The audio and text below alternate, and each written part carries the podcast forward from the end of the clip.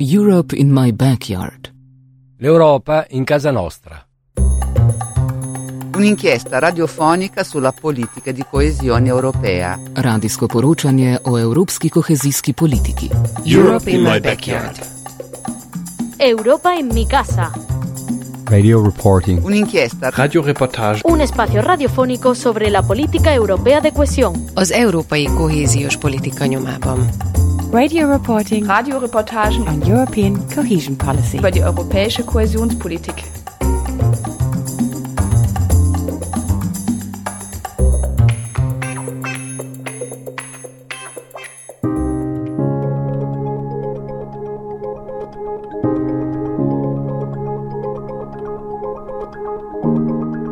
Műsorsorozatunkban olyan kezdeményezéseket és projekteket mutatunk be, amelyek Európai Uniós támogatással az Európai Unió kohéziós alapjából valósulhattak meg.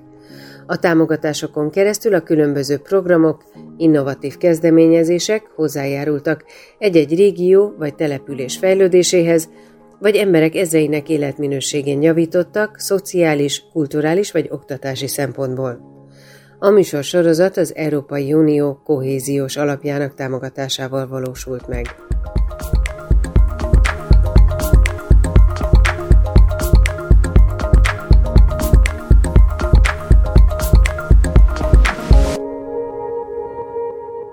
Az UNESCO szeptember 15-i ülésén kihirdette a világ első öt országra kiterjedő bioszféra rezervátumát. A több mint 20 éves munka eredményeként az öt oldalú Muradráva Duna bioszféra rezervátum megkapta azt, ezt az elismerést, amely a természeti értékek és a folyók megőrzésének új lehetőségét kínálja. A rezervátum érinti Magyarország területének kb. 10%-át is. Gruber Tamás, a WWF Magyarország élő folyók programjának vezetője volt be minket a részletekbe. Jó reggelt kívánok, üdvözlöm! Jó reggelt kívánok! Mondja, mi ez a bioszféra rezervátum?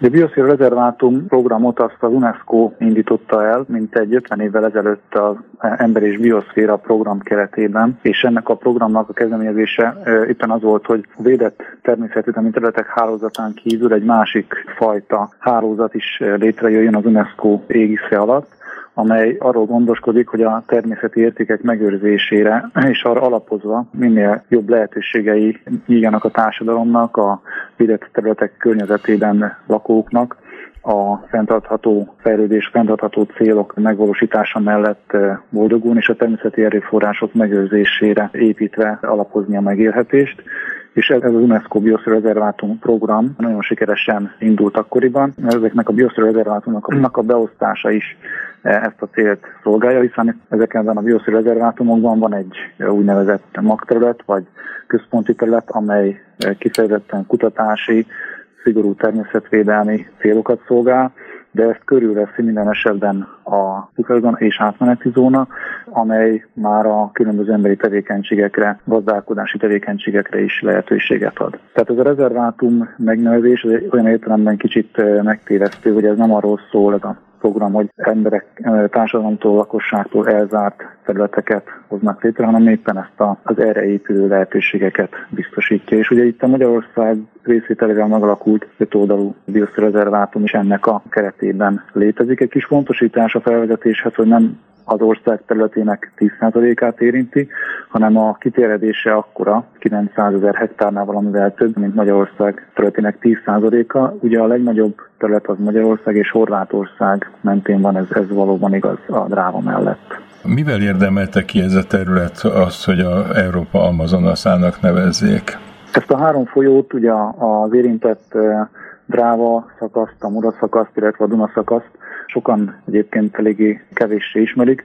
Ugye nyilván azért öt országot érint, mert öt ország határvidékén van, és ebből a határvidék jellegből adódóan egy időszakban, hosszú időszakban elzárt, megközelíthetetlen terület volt, illetve ezek a folyók ma is olyan területeket is őriznek, amelyeket elég nehéz megközelíteni, és ezért kevesen ismernek. Ezek a folyók ugyan szabályozottak, tehát árizédeni töltések között vannak ezek is, ugyanakkor a széles árterek, a változatos folyópartok jellemzik őket, Tehát a más európai folyókhoz nem hasonlíthatók, hiszen ezek sokkal vadabbak, sokkal vadregényesebbek, és ezek az élő folyóknak tekinthetők, tehát alakítják környezetüket, alakítják a tájat, és ezzel érdemelte ki ez a három folyó menti terület ezt a címet, hogy erre az adottságra épülve nagyon sok élőhelyrehabilitációs program, holtágak, mellékágak, vizes élőhelyek helyreállítása kezdődött meg, illetve a környező területeken természetvédelmi területek hálózata alakult ki. Ugye Magyarországon nemzeti parkok vannak az érintett folyószakaszok mellett, a Dunadráva Nemzeti Park, a Duna és a Dráva mellett, a Mura mellett a Balatonfelvidéki Nemzeti Park, de a többi országban is valamiféle védett területek vannak jelen a folyó mellett, tehát az országok ezt, ezeket az értékeket mindenképp megőrzésre látják érdemesnek. Azt mondta, hogy az élőhelyek rehabilitációja is sorra kerül. Igen. Ez azt is jelenti, hogy növekszik majd a, a sokszínűsége, a biológiai sokszínűsége a területnek, vagy visszanyeri a valaha volt sokszínűségét? Igen, igen, mindenképpen ezt lehet remélni ezektől a helyreállítási munkálatoktól. Itt ugye arra kell gondolni, hogy a folyószabályozások miatt holtágok, mellékágok adott esetben távol kerültek a folyótól, megszakadt a közvetlen kapcsolat, és ezeknek a kapcsolatoknak az újraélesztésével, tehát a mellékágak visszacsatolásával, holtágak vízellátásának javításával lehet azokat a feltételeket megteremteni, amely a sokféleség, az élővilág sokféleségének gazdagodását eredményezi. Nagyon gazdag az élővilág, a madárvilág ezen a területen rendkívül sok a vándorló madárfaj, amely ezeken a területeken megpihen fekete gólyával, rétisassal, parti fecskével rendkívül nagy számban lehet találkozni, de, de más természeti értékekben is gazdag ez a terület.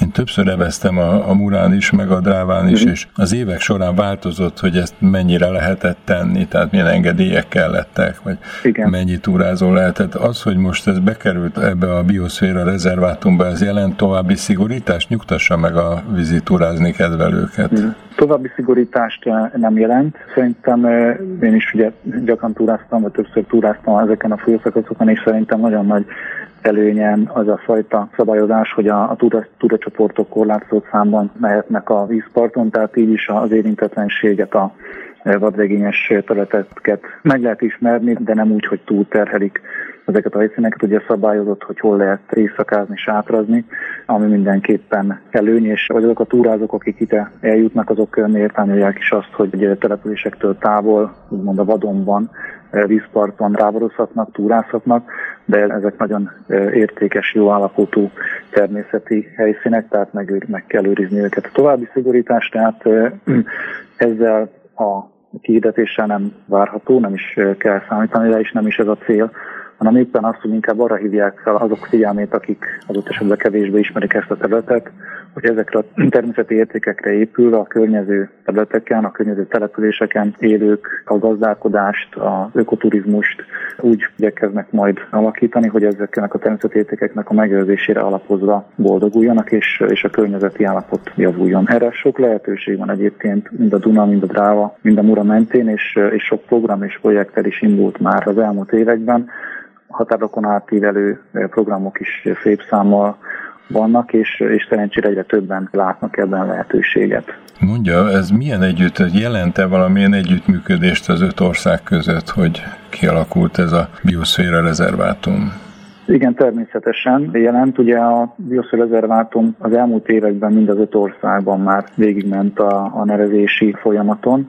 Ezt úgy kell érteni, hogy Horvátország és Magyarország közösen beadott már nevezést, mint egy tíz évvel ezelőtt, tehát a két oldalú drávamenti területek, jó részt drávamenti területeket érintő bioszférezervátum már megalakult, és ezt követően Ausztria, Szerbia és Szlovénia is egy-egy nevezést beadott önállóan és most ezt az öt országot forrasztotta egységbe ezzel a közös nevezéssel és a közös nevezés kiirdetésével ez az öt országos rezervátum. Együttműködés mindenképpen szükséges és, és létezik is, hiszen itt a területek kijelölése és a területek kezelése az országok együttműködésével valósulhat meg, illetve a, ennek a, az Ember és Bioszféra programnak az egyik komoly elvárása, hogy az érintettek, a kezelők, a területen élők részvételével olyan testületek jöjjenek létre, olyan felügyelő, irányító testületek jöjjenek létre, amelyek rendszeresen találkoznak, rendszeresen egyeztetnek, innentől, tehát a jövőben ez a, az egyeztetési, tervezési és közös, közös gondolkodásról szóló folyamat még inkább inspirált lesz, hogy megtörténjen, és ez minden bizonyja így is fog történni. Már csak egy kérdésre maradt időnk. Ha valaki komolyabban érdeklődik most a beszélgetés kapcsán, akkor uh-huh. akkor hol tud utána nézni egyrészt ennek a bioszféra rezervátum programnak, másrészt az ember és bioszféra programnak, amit említett? Ennek a programnak ugye van egy központi honlapja, amelyet az UNESCO működtet, de a Magyar Természetvédelem hivatalos honlapján is tudtam, emlékeim szerint erről van több leírás, több elérhető információ, illetve ugye létezik a, ennek az UNESCO programnak egy magyar testület, a Magyar Bizottsága is, tehát erre rákeresve is utána lehet olvasni ennek a programnak, illetve angol nyelven a területen foglalkozó civil szervezetek, a WWF minden országban jelen van, és mi is üzemeltetünk erről egy honlapot, ami az Amazon of Europe névre hallgat, erre rákeresve is lehet íreket, információkat elérni, és ugye mi a saját honlapunkon, a WWF Magyarország honlapján is erről időről időre közé teszünk információkat, híreket. Europe in my backyard. L'Europa in casa nostra. Un espacio radiofónico sobre la política europea de cohesión. Radijsko poročanje o evropski kohezijski politiki. Radio reporting. Un'inchiesta. Radioreportage. Radijsko poročanje. Europa in mi casa. Un'inchiesta radiofonica sulla politica di coesione europea. Europe in my backyard. Az európai kohéziós politika nyomában. Radio reporting. Radioreportagen on European cohesion policy. über die europäische Kohäsionspolitik.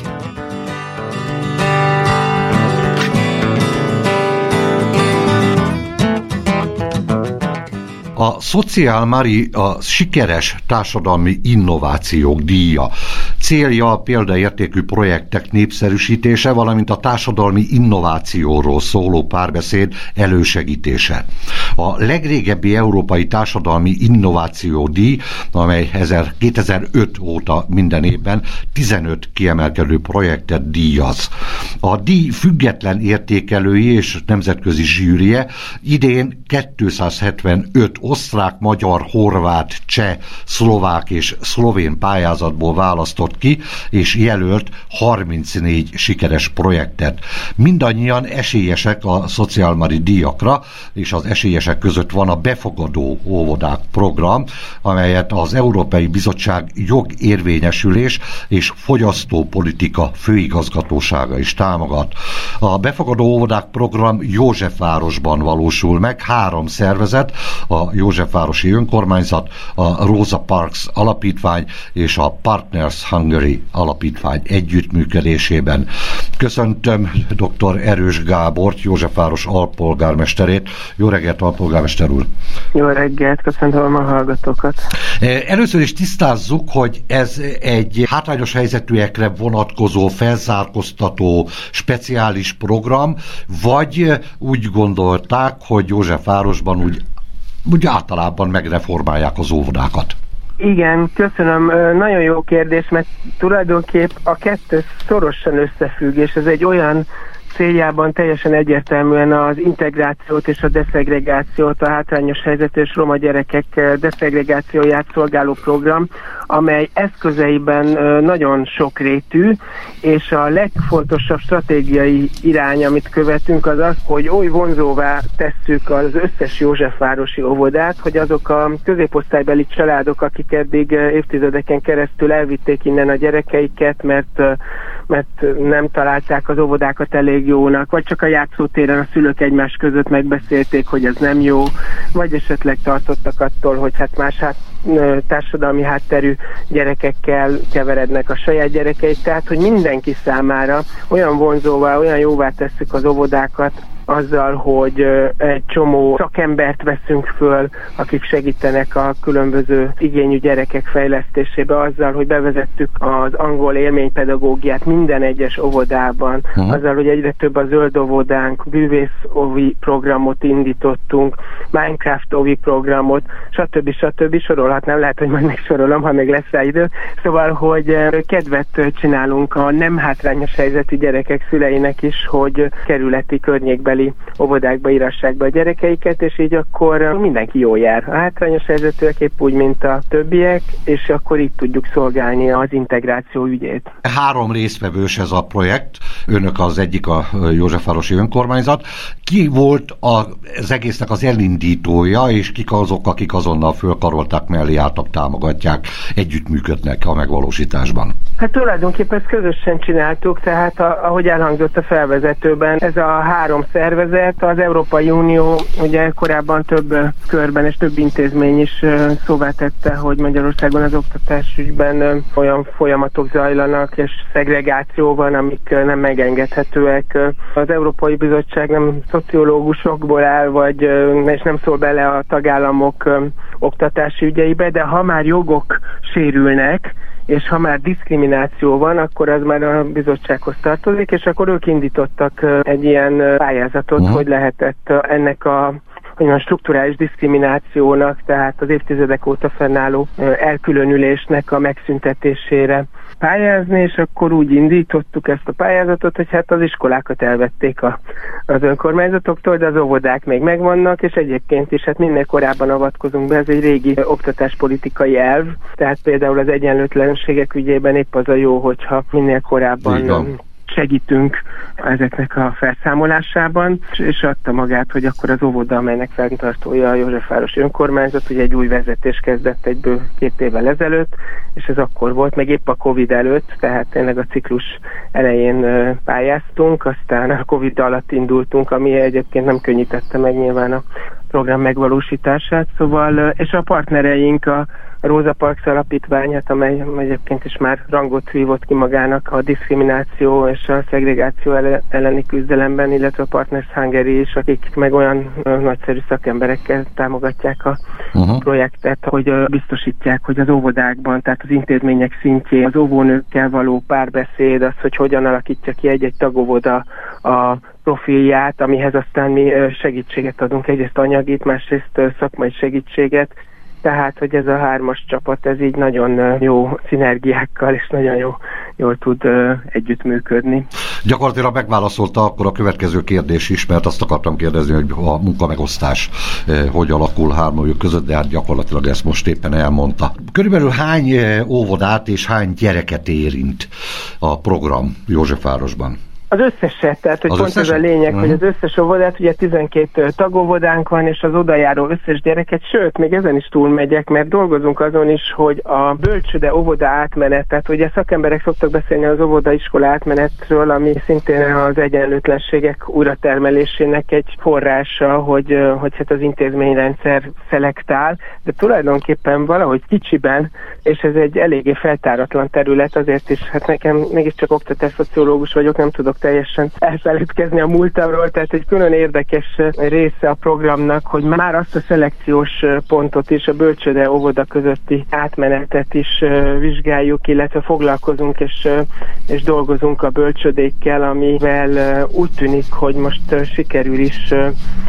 azt a célt, amit az elején mondtam, ami a fő cél, hogy, hogy, hogy minél több, mert vannak, akik még bölcsödébe még ide járatják a gyereküket, de aztán óvodában már nem. Uh-huh. És aztán az iskolai szinten hogy, meg, meg még többen elviszik, de hogy ez az a folyamat, amit vissza szeretnénk fordítani, úgyhogy minden óvodában azért, mert egyébként korábban pár évvel ezelőtt összevonta még az előző vezetés az óvodákat, azelőtt külön-külön működött mindegyik, most pedig egy összevont óvodánk van, és annak vannak így tagóvodái. Egyébként ez a felvételi körzethatároktól kezdve egy csomó területen végül segíti az önkormányzat, mint fenntartó munkáját, tehát nyilván így könnyebb összehangolni igen, a, igen, igen. az óvodák tevékenységét, de ez nem azt jelenti, hogy ne, és ezt szeretném hangsúlyozni, hogy ne beszélnénk nagyon-nagyon sokat a szülőkkel és a pedagógusokkal. Tényleg kiemelném azt is, hogy, hogy bevonjuk a szülőket a döntéshozatalba. Számtalan, hát amíg a járvány nem engedte a személyeset, addig online, de hogy a, a, amint lehetett, vagy amikor csak lehetett személyes találkozások alkalmával beszéljük meg. Igen, igen. Külön-külön tagóvodáról tagóvodára akár a szülőkkel a, azt, hogy, hogy mit szeretnének, min lehetne javítani. Az átalakítások például elég jelentős összeget szán idén az önkormányzat arra, hogy úgy újítsuk föl az óvodáinkat, hát nem az összeset egyszerre, mind a 12 de most elsősorban sorban kettőt, hogy a MOME szakembereinek segítségével egy ilyen közösségi tervezés történt tulajdonképpen, és akkor elmondták a szülők, hogy, hogy milyen lenne az az óvoda, ahova szívesen, vagy még szívesebben járatnák a, a gyereküket, és akkor egy ilyen kreatív tervezési folyamat eredményeképpen álltak elő a tervek. Tehát nem csak kicseréljük a csöveket, van, ahol azt kell persze, hanem teljesen megújítjuk, uh-huh, és igen, igen. színes, és vonzó, és nagyobb lesz a kapu, és és zöld lesz előtte, és nem autók parkolnak, stb. Tehát egy, egy ilyen tervezési uh-huh folyamat is zajlik például, tehát az infrastruktúrát is megújítjuk, nem csak a, mert azért a lényeg a pedagógiai tartalom természetesen. Bérpótlékot vezettünk be, 40 ezer fontos bérpótlékot, hogy az egész országban problémát se tudjuk megszüntetni, de, de mérsékelni tudjuk a fluktuáció, az elvándorlás, hiszen, hiszen hát ugye alul fizetettek a pedagógusok, ezt igen, tudjuk, tehát igen. Bevezettünk egy ilyen bérpótlékot, illetve további bérpótlékot kapnak azok az angolos óvónők, akik részt vesznek az angol élménypedagógiai programba. Ez is fontos, hogy nem külső szolgáltató hozza, hanem a belső erőforrásokra támaszkodunk, és ebben a folyamatban is ez a Trialmári díjra jelölt program nagyon sokat segít, tehát hogy az óvónők angol készségeit felmértük, aki meg szüksége van, az továbbképzést kap, aki meg már most bekapcsolódik az angol élménypedagógiai programba, az pedig bérkiegészítést és hát így haladunk. Hogyha, igen, igen, igen. Ha ugye jól értelmezzük, akkor ez gyakorlatilag most egy pályázat és finanszírozott, támogatott projekt, és egy projektnek ugye általában van vége is. Ennek, ha vége lesz, akkor merre tovább? Tehát tudják-e folytatni, esetleg támogatás nélkül? Na szóval merre tovább? Igen, Hát Józsefváros elkötelezett abban, hogy ezt olyan értelemben mindenképpen folytassa, hogy ezek alapján, az alapelvek alapján szeretnénk tovább dolgozni, tehát a különböző hátterű gyermekek óvodai elkülönítése nyilván nem térhet vissza azután se, hogyha esetleg megszűnik ennek a programnak a finanszírozása, és számos elemet egyébként nem az uniós támogatásból, tehát például az infrastruktúra megújítását, amit az előbb mondtam, tehát az óvodépületek felújítását magyarul vonzóbbá tételét, azt ugye az önkormányzat saját forrásból fedezi, a, az óvodai bérpótlékot szintén saját forrásból fedezi, azt, hogy felvettünk plusz szakembereket, annak egy részét az uniós program fizeti, fedezi, például a szociális munkások, de a nagy részét szintén az önkormányzat, tehát hogy tett az önkormányzat már olyan lépéseket, amik a, a fenntarthatóságot és, és a program továbbélését biztosítják. Ettől függetlenül most keressük a lehetőséget, hogy mi az a külső finanszírozás még, amit be tudnánk vonni, és uh-huh. amivel még inkább tudnánk ezt biztosítani, úgyhogy, úgyhogy ezen is dolgozunk, igyekszünk találni forrást a folytatáshoz, illetve egy csomó olyan strukturális változtatás már megtörtént, amik azért uh-huh. biztatóak arra nézve, hogy ez, ez mindenki folytatódni fog. Vannak-e már olyan visszajelzések, amiből ebből lehet tovább építkezni? Hát az egyik ilyen visszajelzés tulajdonképpen, hogy én most itt interjút adhatok, hogy tovább építkezni milyen értelemben? Derültek ki már az eddigiek során erősségek, gyengeségek, lehet ebből építkezni tovább, hogy mer, merre uh-huh. fejlődjünk én, tovább? Én azt gondolom, még, még nem tartunk ott az összegzésnél, de azt gondolom, hogy ez tényleg egy, egy olyan jó gyakorlat lehet, amire abszolút lehet alapozni, mert, mert legalább 15-20 féle különböző dolgot csinálunk tényleg az angol továbbképzéstől kezdve a szociális munkások behozatalán az óvodapszichológus plusz óvodapszichológus, a programok egy-egy óvoda, takóvoda ugye egyéni profiljának kialakítása, hosszú-hosszú több órás, vagy akár több napos, vagy több hetes közös gondolkozás alapján, és aztán persze nyilván vannak olyan adminisztratív beavatkozások is, amik ezt támogatják az óvodakörzetek átalakítása, de nem akármilyen átalakítás, hanem nagyon szigorúan tényekre, adatokra alapozott, tehát egy olyan szakpolitikai tanulmány alapján rajzoltuk át a körzeteket, ami azt is megmutatta, hogy hol érdemes ugye a társadalmi egyenlőtlenségek csökkentése érdekében átrajzolni, de azt is, hogy mik azok a beavatkozások, amik nem túl erőteljesek és nem túl hirtelen jellegűek ahhoz, hogy ez gond nélkül megvalósulhasson, és tényleg még nagyon hosszan, hosszan tudnám sorolni. A lényeg az, hogy, hogy olyan sokféle dolgot csinálunk, és olyan szorosan együttműködve, igen, ez a három partner, meg, meg az intézményekkel, meg mondom bölcsödékkel, amennyire lehet még a tankerülettel, tehát az iskolákkal is, a játszóterekre kikerültek szép színes plakátok, ahova járnak a szülők egy-egy háztömbből, és hogy egyáltalán megtudják, hogy mi a legközelebbi óvoda, és mit kínál nekik, és hogy milyen jó programokkal várja a gyerekeiket, hogy beindult a, az óvodának a, a Facebook oldala, hogy különböző YouTube videókat ö, föltesznek ezzel is ö, hirdetve, igen, ö, az óvikat, és így tovább. Szóval, hogy, ö, hogy mindezekből összeáll egy, ebből a sok-sok féle intézkedésből és, és kis alprogramból összeáll egy olyan ö, egységes egész, amely ö, hát az adatok alapján is most már kezdi meghozni a, az uh-huh, eredményeit, a gyümölcseit, és, és abszolút azt gondolom, ez az egyik iránya egyébként a folytatásnak, hogy egy ilyen disszeminációs tevékenységet, tehát hogy a, a program megismertetését, hát először az országon belül, aztán pedig akár a régióban, mert hogy hát mondjuk a roma gyerekek szegregációja azért a, a régióban másút is leszámítva talán Lengyelországot, tehát Csehországtól Bulgáriáig ez egy mindenütt jelenlévő probléma, és az óvodai korosztályra, óvodákra egyébként talán másút is kevesebb figyelem jut, holott tényleg érdemes az óvodákkal kezdeni, így aztán azt, azt gondolom, hogy, hogy ezt így lehet szépen tágítani, bővíteni és folytatni. Nagyon kevés időnk maradt, úgyhogy egy nagyon rövid kérdés. A szülők lelkesednek? A szülők nagy része lelkesedik, természetesen, mint ahogy minden ilyen programnál vannak, akik agódnak, szoronganak, esetleg megváltozik az óvoda összetétele, ez, ez teljesen természetes, hogy ez kiválthat szorongásokat, épp ezért vagyunk velük olyan szoros uh-huh. kapcsolatban, hogy volt, volt például a mostani óvodakörzet átalakításnál, pedig ugye, ahogy mondtam, nagyon óvatosan járunk el, de mégiscsak változtatunk, hogy szolgáljuk az integrációt, meg egyéb szempontokat, mert azért változik a gyerek létszám, és most nem tudok nyilván mindenbe belemenni, de a lényeg, hogy a kérdésére válaszoljak, hogy volt két óvoda, amelyeknek a szülői közös öt óvoda, akik, akik aggályokat fogalmaztak meg, velük leültünk személyesen, uh-huh, és hosszan beszéltünk, és két óvoda, amely hosszú kérdéssort meg írásban is benyújtott, amelyekre pontról pontra írásban válaszoltunk, és aztán az egyik óvodával, akiknél a legtöbb ilyen aggodalom volt, azokkal még egyszer le fogunk ülni, holott már meghozta az önkormányzat a döntését, aha, tehát aha. úgy tetszik, akkor már mondhatnánk, hogy ez már, igen, ezen már igen, túl igen, vagyunk, igen. de nem, külön le fogunk ülni velük, és megbeszélünk mindent. Europe in my backyard. L'Europa in casa nostra. Un'inchiesta radiofonica sulla politica di coesione europea. Radijsko poročanje o evropski kohezijski politiki. Europe in my backyard. Europa en mi casa. Radio reporting. Un'inchiesta. Radioreportage. Un espacio radiofónico sobre la política europea de cohesión. Az európai kohéziós politika nyomában. Radio reporting. Radioreportagen on European Cohesion Policy. über die europäische Kohäsionspolitik.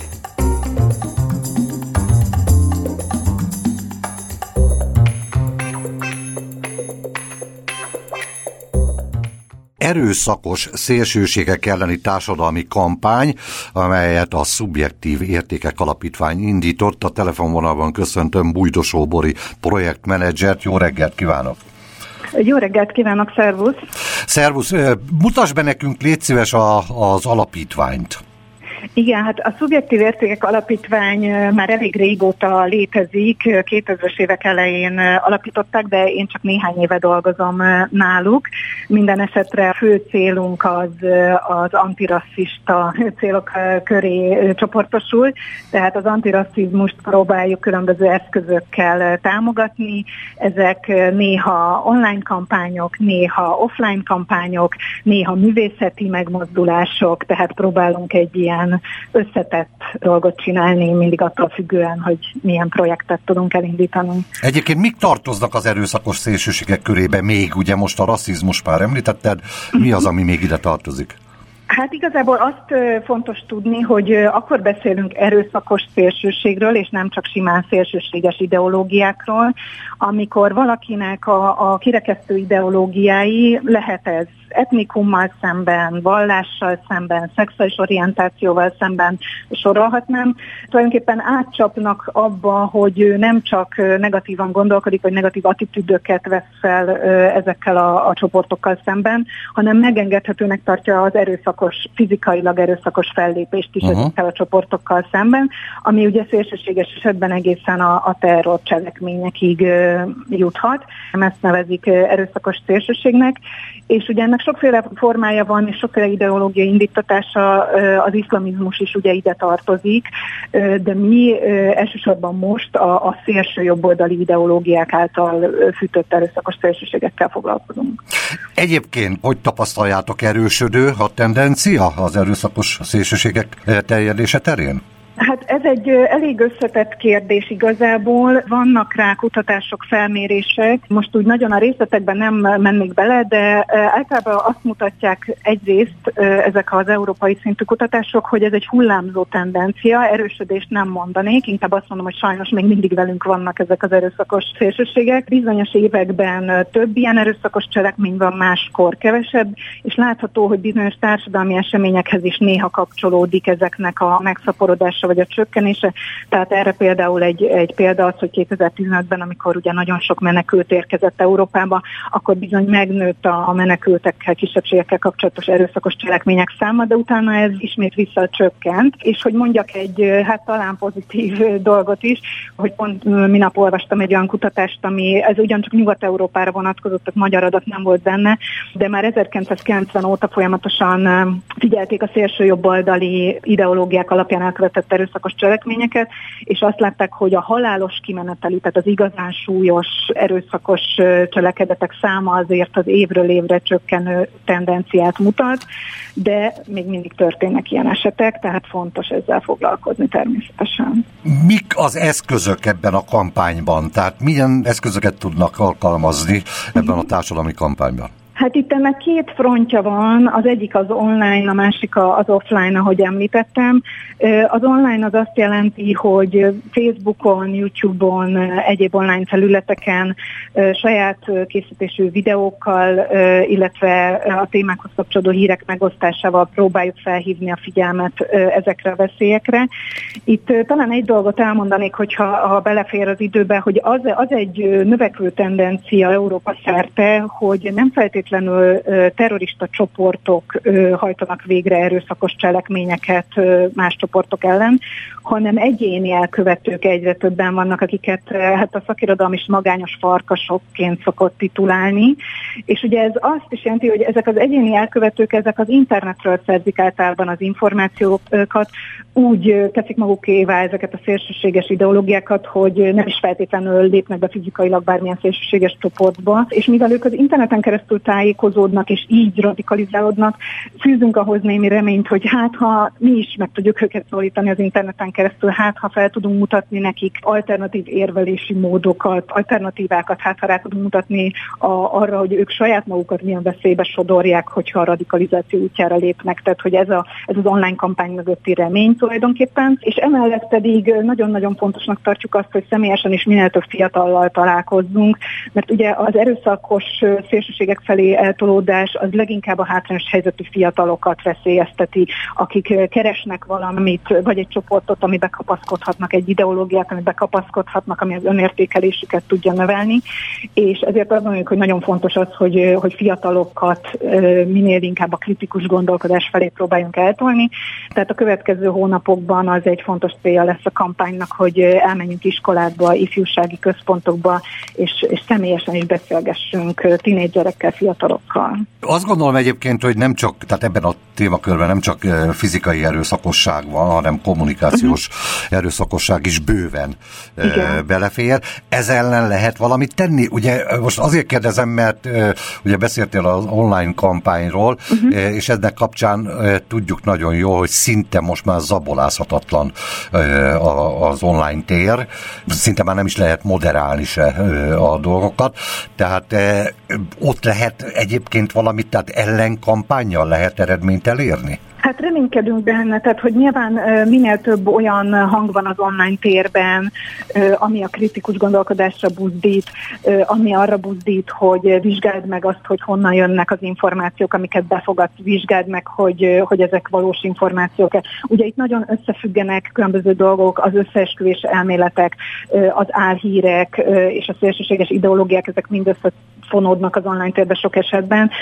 és azt gondoljuk, hogy minél inkább mi is megpróbáljuk be pumpálni az online térbe a, a, ennek az ellentétét.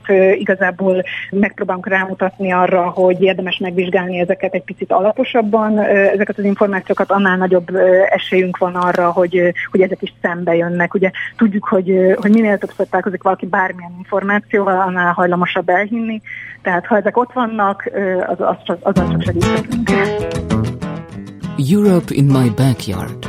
L'Europa in casa nostra. un espacio radiofónico sobre la política europea de cohesión. Radijsko poročanje o evropski kohezijski politiki. Radio reporting. Un'inchiesta. Radioreportage. Radijsko poročanje. Europa in mi casa. Un'inchiesta radiofonica sulla politica di coesione europea. Europe in my backyard. Az európai kohéziós politika nyomában. Radio reporting. Radioreportagen on European Cohesion Policy. über die europäische Kohäsionspolitik.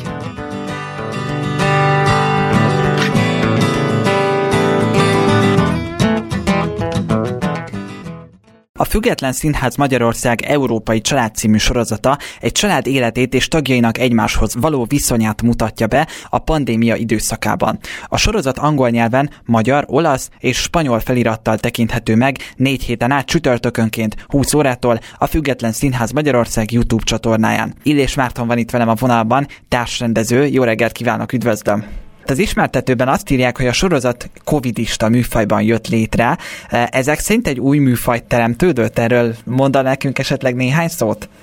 Hát ez még tavasszal volt egy kezdeményezése a színháznak, amikor egy felolvasó színházi előadásunk meghiúsult a karantén miatt, azonban mivel az elmúlt tíz évben egyszer sem mondtunk le egy előadást, ezért egy online sorozatot kezdtünk, és erre jött ez a jelző, hogy covidista, ami azt jelenti, hogy ugye a jelenlegi helyzetben újfajta eszközt, formát próbáltunk találni, tehát a szereplők eltérő helyeken, videós rögzítésben tudnak kommunikálni egymással, ami ugye a jelenlegi sorozatnál szintet lépett, ugyanis hát ez sok nehézség mellett, amivel szembesülnie kell minden színháznak, és általában az embereknek a karantén és a Covid ideje alatt lehetőségeket is nyújt, ugyanis így együtt dolgozhattunk külföldi művészekkel, akik ugyanúgy ráértek, mint itt is a legtöbb színész, és ezért videócseten keresztül folytak a próbák, illetve egymástól távol voltunk akkor, amikor rögzítettük a felvételeket. Uh-huh. Hogyan, ha lehet ebbe egy kis betekintésünk, hogyan zajlottak ezek a, a videós csetes próbák? Mert én, mint teljesen laikus, ez, ez nagyon nehezen képzel, mert ugye ez mindig azzal szembesül az ember, hogy szakadozik a kapcsolat, stb. De egy színház esetében meg aztán az interakció, a valós idő interakció az különösen fontos, szóval mennyiben okozott ez nehézséget, vagy flottul működött már a dolog? Hát sok tanulsága volt már az első sorozatnak, a Koszovó Monamúrnak, és ezért az európai családnál például már törekedtünk arra is, hogy bár maga a kommunikáció az online formában történjen, a kép és a hang rögzítése az viszont előre kiküldött webkamerák és mikrofonok segítségével valósuljon meg, ami viszont azt jelentette, hogy ugye a színésznek nem csak klasszikusan szerepelnie kell, hanem lényegében minden más feladatot neki kell ellátnia, tehát ő az operatőr, ő a világosító, a kellékes, jelvesztervező, tehát egy személyes, egy-két személyes produkciós tábnak kellett kialakulnia minden színész körül, és még említette, hogy esetleg szakadozik a net, hát ez is fontos volt, hogy mindenkinek jó net kapcsolata legyen, és hát volt olyan a próbák során, hogy ez még nem annyira működött, akkor ugye újra kellett próbálkozni, tehát ez mindenképpen egy olyan fajta türelemre volt szükség, ami azért a színházban nem mindig uh,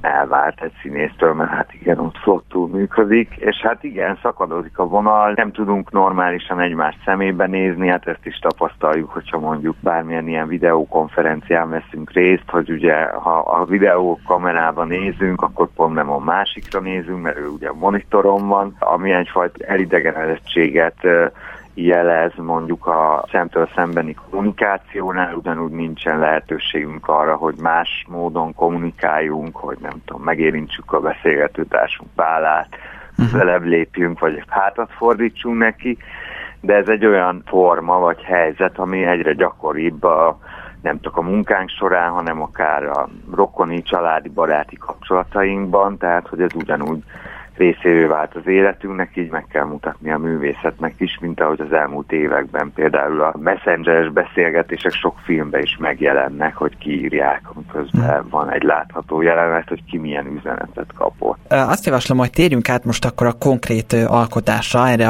az Európai Család című darabra, vagy sorozatra, amit készítettek. Miről szól ez tulajdonképpen, vagy milyen problémákat vet fel, milyen kérdésekre keresi a választ? A Független Színház Magyarország 2017 óta uh, valósítja meg éves, te minden évben a világ egyetlen nemzetközi roma színházi találkozóját, és itt elég sok szakmai kapcsolat kialakult külföldi roma alkotókkal, és velük vetődött föl, hogy egy családot modellezzünk olyan történetekből, amik az elmúlt időszakban velünk vagy a környezetünkben megtörténtek, de hogy nem is annyira a romaság volt itt a fő fókuszban, mint az, hogy egy család különböző tagjai máshogy élik meg a pandémiát, más kihívásaik vannak, és hogy ezekre hogyan tudnak válaszolni, illetve hogy hogyan tudnak azokra az akár régebbi családi konfliktusokra, titkokra reagálni, amik, amik meg a feldolgozása mentén nem tudunk tovább haladni. Uh-huh. Például csak egy ilyen apró dolog, hogy mi az, amitől bár ugye sok mindent vesztünk a személyes találkozóból, de mégis bizonyos dolgokban lehet, hogy jobban megismerjük a másikat, hogy sokszor akár barátokkal, munkatársakkal, családokkal olyan környezetben találkozunk, amit százszerzalékig kontrollálni tudunk. Ugyanakkor viszont, ha hirtelen megcsörren a telefon, a laptop, és bekapcsoljuk, akkor lehet, hogy belelátnak a mi hátterünkben, tehát látják, hogy nem tudom milyen rendetlenség van otthon, hogy ki az, akivel együtt élünk, stb., amit egyébként lehet, hogy el lehet rejtegetni. Tehát ilyen szempontból viszont sokszor ez a kamera, ami az otthonunkban megjelenik, ez olyan dolgokat is meg tud mutatni, amik tovább tudják indítani a drámát. Meg tudná említeni esetleg néhány nevet, akik a készítők közt voltak? Ki írta a forgatókönyvet, kik a közreműködő művészek? A történet kialakítása, hogy említettem, az kooperatív módon történt, tehát mindenki részt vett a darab létrehozásában, de aki végleges formát adott neki, az Richard O'Neill, aki egy brit traveler, író, storyteller és előadóművész és tanár, akkor Spanyolországból, Szeviából Szonya Carmona Tápia, rendező, storyteller és színész vett részt, Olaszországból Sebastiano Spinella, aki zenészként is részt vett szintén az alkotó folyamatban, Magyarországról pedig a Független Színház két fiatal művésze, Szegedi Tamás András és Lakatos Lucia, valamint a rendezést is ugye többen fogtuk össze, tehát Balog Rodrigo a művészeti vezető a színháznak, és rajtam kívül Illés Péter, aki pedig a vágásban és a technikai dolgokban is felelősséget vállal. Balog Rodrigoval egyébként már a hallgatóink is találkozhattak legalábbis így adásban, mert a, a Koszovó Monamúr kapcsán egyébként már vele is interjúztunk itt a délutáni magazin műsorban. E, most az előadáshoz kapcsolódó módszertant is kidolgoztak. E, kinek szólnak az ajánlásaik, és az előadások közönségének vannak-e javaslataik? Hát a módszertan alapvetően az a célra jött létre, hogy hát tudjuk, hogy rajtunk kívül nagyon sok színház szembesül azzal, hogy most mit tud csinálni a Covid idején, és mivel nekünk már ugye volt két online színházi sorozatunk, ezeknek a módszereit, tapasztalatait próbáltuk megosztani, illetve volt nyáron egy sétaszínházi előadásunk, ami szintén esetenként karantén kompatibilis tud lenni, ez a falunak volt, Tehát azokat a módszereket osztottuk meg, hogy mire érdemes odafigyelni, milyen lehetséges hibák merülhetnek fel, hogy ne kelljen ugyanabba belépni egy másik kezdeményezésnek, hogyha mondjuk online színház vagy, vagy kültéri színház megvalósítására adja a fejét, és hogy kiket céloz a maga az előadás, hát azt gondolom, hogy bármelyik ö, európai embert, akinek családja van, akinek nehézséget okoz a, a Covid, aki úgy gondolja, hogy akit esetleg a, a munkája elvesztése fenyegeti, vagy akár már el is vesztette, és újra kell gondolni az életét ennek folytán, tehát azt gondolom, hogy szinte mindannyiunkat érint ez a kihívás, ami az elmúlt egy év során bekövetkezett világszerte, és azoknak, akik egy picit akár a saját emberi kapcsolataikra rá akarnak nézni, hogy milyen a viszonyom a szüleimmel, a gyerekeimmel, mennyire várt akár más tőlem, mint amit én szerettem volna az életemben, vagy mennyire csinálok, mutatok én más saját magamnak, magamról, a családomnak csak azért, hogy ők mondjuk elégedettebbek legyenek, mint ami számomra fontos. Hm. Így például ebben a családban, amit bemutatunk, a három gyerek teljesen három eltérő utat jár be. Az egyik az önmegvalósító művész, a másik a szociális téren próbál segíteni másoknak, a harmadik pedig egy tanár, aki viszont alapvetően a szülei közelében marad, és ahhoz képest alakítja az életét, hogy mit várnak el tőle a szülei, amik ö, olyan típusok, amik sokszor azért a valódi családokban is megjelennek, hogy most ki a fekete bárány, és ki az, akire, akire, akire ad ezek gyerek, és hogy mi lehet igazából a hátterében ezeknek a szerepeknek is kapcsolatokban.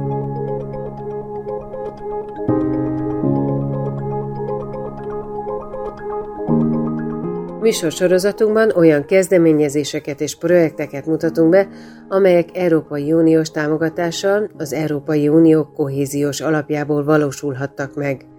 A támogatásokon keresztül a különböző programok, innovatív kezdeményezések hozzájárultak egy-egy régió vagy település fejlődéséhez, vagy emberek ezeinek életminőségén javítottak szociális, kulturális vagy oktatási szempontból. A műsor sorozat az Európai Unió kohéziós alapjának támogatásával valósult meg.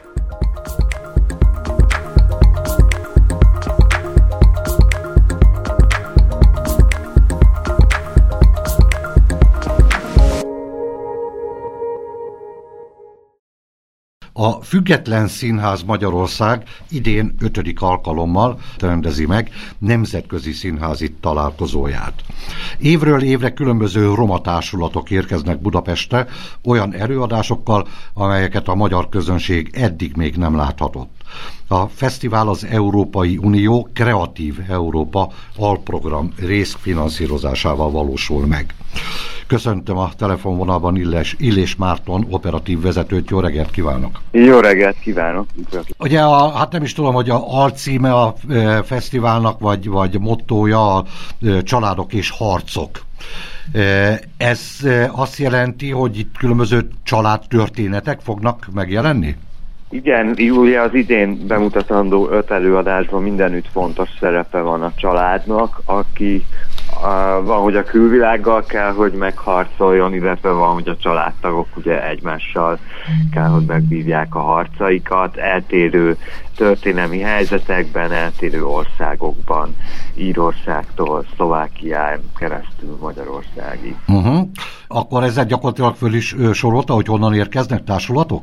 Igen, illetve még Csehországból is érkezik egy előadás, ami szintén a múlt, múltat veszi, veszi gorcső alá megtekintve, hogy melyik korban egészen a második világháború előttől napjainkig milyen kihívásokat szem, kellett szembenézni a roma asszonyoknak, és azon belül is kifejezetten az anyáknak. Minden társulat romákból áll?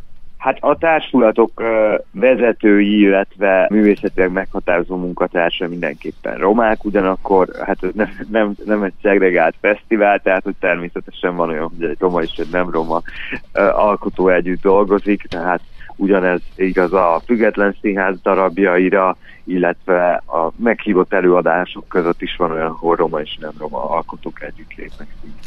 Nyilván egyébként az is rendkívül izgalmas, hogy roma és roma, hogy viszonyulnak egymáshoz, de talán izgalmasabb, hogyha egy roma és nem roma, hogy viszonyulnak egymáshoz. A társulatok hogy kerültek képbe? Tehát régóta ismerik őket, vagy mindig tudnak újakat fölfedezni és újakat megfigyelni. Egyáltalán kik figyelik a külföldi produkciókat, hogy kit érdemes meghívni?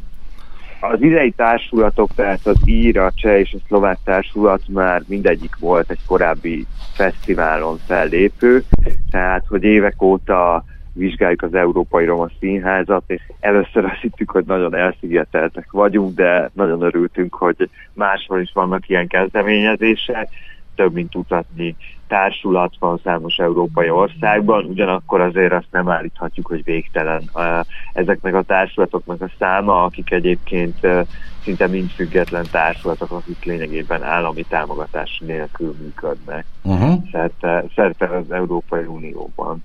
Közben ugye bemutatnak egy hiánypótló digitális roma színházi gyűjteményt is. Ebben egyáltalán mi, mik szerepelnek, hogy jött össze a gyűjtemény? Hát a gyűjteményben egyrészt az elmúlt öt évben bemutatott videósan és egyéb módon földolgozott előadások anyagai láthatóak, illetve több mint 40 uh, roma színházi alkotóművészeti profilja, akkor a idővonala is látható lesz a Roma Színháznak, amit ugye kevesen gondolnánk, de már 19. század végén létezett Oroszországban professzionális Roma Színház, a jelenkori e, európai térképet is át lehet majd rajta tekinteni, és ott megnézni, hogy hol milyen alkotók, alkotások szerepelnek. És azt gondoljuk, hogy ez, ez azért fontos, mert egy referencia alap lehet további együttműködéseknek, kutatásnak, oktatásnak, és miután megjelenik majd ez a gyűjtemény, már senki nem mondhatja, hogy nem is létezik olyan, hogy professzionális uh-huh, roma uh-huh. színház, ugyanis ezt az érvet azért sok európai roma színház megkapja akkor, amikor fölteszi a kérdést a helyi döntéshozóknak, hogy miért van az, hogy más kisebbségi csoportoknak mondjuk van saját színháza, állami roma színház viszont ugye nem nagyon van. Uh-huh. Más országokban. Igen, igen, igen. Hogy lesz elérhető egyébként majd ez a gyűjtemény? A gyűjtemény a neten lesz elérhető, ugye ez május 5-től válik elérhetővé, és egyelőre angol nyelven, ugyanis hát nagyon sok anyagot tartalmaz, és mivel elsősorban nemzetközi elérés a célunk, ezért, ezért más nyelven jelenleg még nem elérhető, uh-huh. csak angolul. Világos. Zenei program is szerepel a programban. Erről mit kell tudni? Igen, a Roma Hősök koncert már egy alkalommal megvalósulásra került.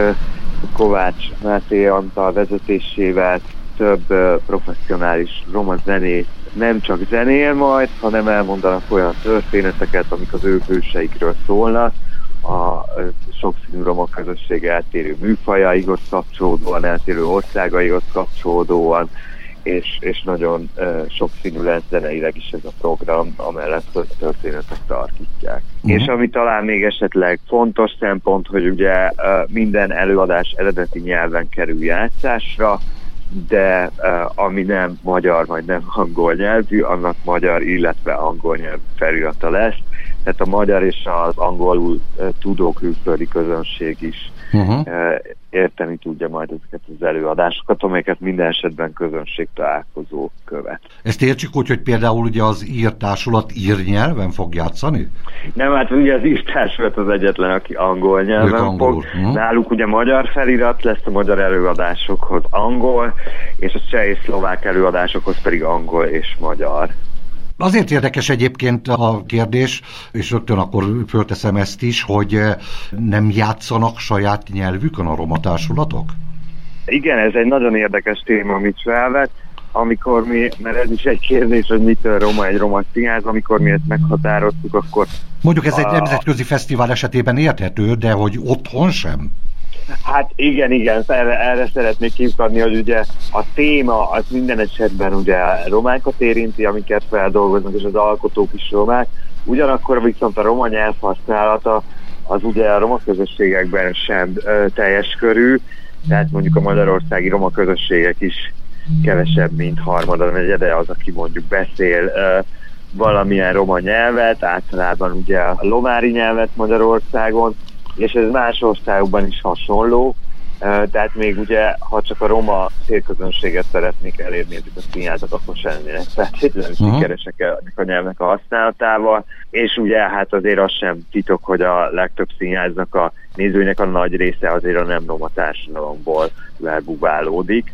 Egyébként van Európában egy-két olyan terület, ahol nagyon sokan beszélnek a romák közül valamilyen roma nyelvet, például a délszláv országokban, Macedóniában, Koszovóban, ott van ennek hagyománya, hogy roma nyelven készüljenek előadások, de a többi országban ez nem jellemző, maximum egy-egy szövegrészlet, egy-egy rövid párbeszéd részlet az, ami roma nyelven kerül bemutatásra. Azért tartom egyébként ezt fontos kérdésnek, mert az én véleményem szerint a színházaknak az egyik nagyon fontos funkciója a nyelvőrzés, a nyelvnek a művelése.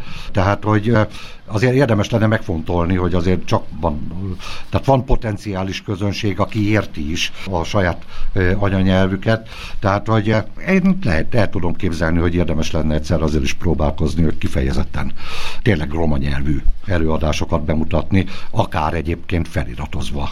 Tehát ugyanígy, mint ahogy most hát is igen, fog. nem példátlan a történelemben, ugye Magyarországon is, amikor elkezdődött a magyar nyelvű színjátszás, szinte senki nem beszélt magyarul maximum. Igen, igen, a igen, parasztok, igen. hasonlóan ugye zsíreket említette, hogy az íreknél is egy teljesen igen. kihalt nyelvet újítottak fel a 19.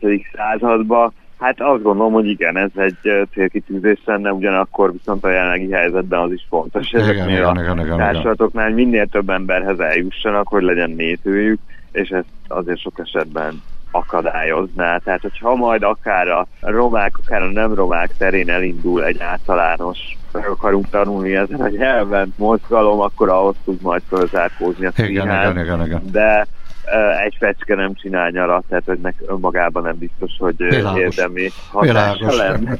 Értem. Illés Márton operatív vezetőt hallották. Europe in my backyard. L'Europa in casa nostra. Un'inchiesta radiofonica sulla politica di coesione europea. Radijsko poročanje o evropski kohezijski politiki. Europe in my backyard. Europa en mi casa. Radio reporting. Un'inchiesta. Radioreportage. Un espacio radiofónico sobre la política europea de cohesión. Az európai kohéziós politika nyomában. Radio reporting. Radioreportagen on European Cohesion Policy. Über die europäische Kohäsionspolitik.